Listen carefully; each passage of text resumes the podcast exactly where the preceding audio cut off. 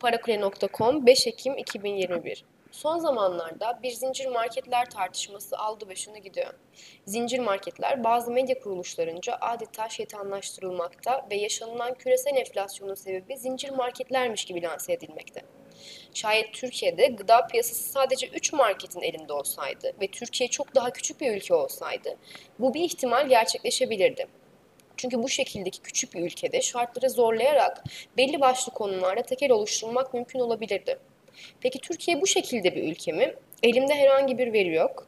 Lakin bu zincir marketler temel gıda ürünleri üzerinde bir tekel oluşturarak tek taraflı piyasada fiyatı manipüle ediyorlarsa devletin buna karşı tedbir alması doğrudur. O zaman da kim, nasıl ve ne zaman bir tekel oluşturdu bilmek elbette hakkımız. Ekranlarda çeşitli gıda ürünleri üzerinden ve tablolar eşliğinde akıllara ziyan yorumlar yapılmakta. Elma, soğan, patates ve domatesin nasıl üç farklı zincir markette nasıl birbirinden farklı fiyatlardan satıldığı saatlerce tartışılıyor.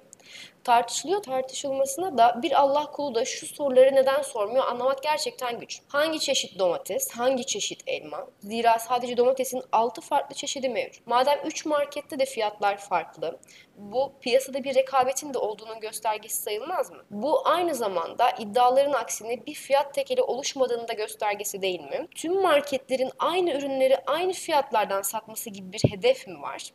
O zaman giyimden beyaz eşyaya bunu sağlamaya kalkarsak bu piyasanın ismi hala serbest piyasa olur mu? Tekrar altını çizmekte fayda var.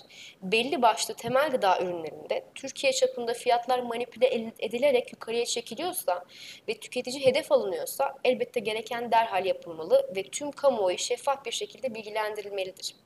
Bir diğer mukayese tablosu bazı gıda ürünlerinin pazardaki ve marketlerdeki satış fiyatları arasındaki fark.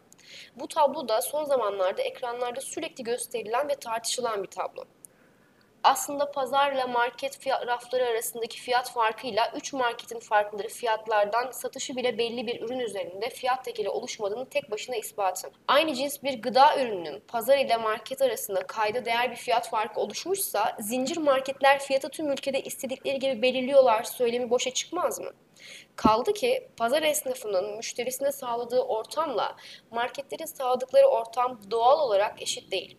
Zincir marketlerin muhitlerine göre değişen yüksek kira bedelleri, aydınlatma, soğutma ve çalıştırdıkları personel sayılarının fazlalığı ve pazar esnafından farklı dallarda ödedikleri vergiler yine doğal olarak fiyatlara da yansımakta.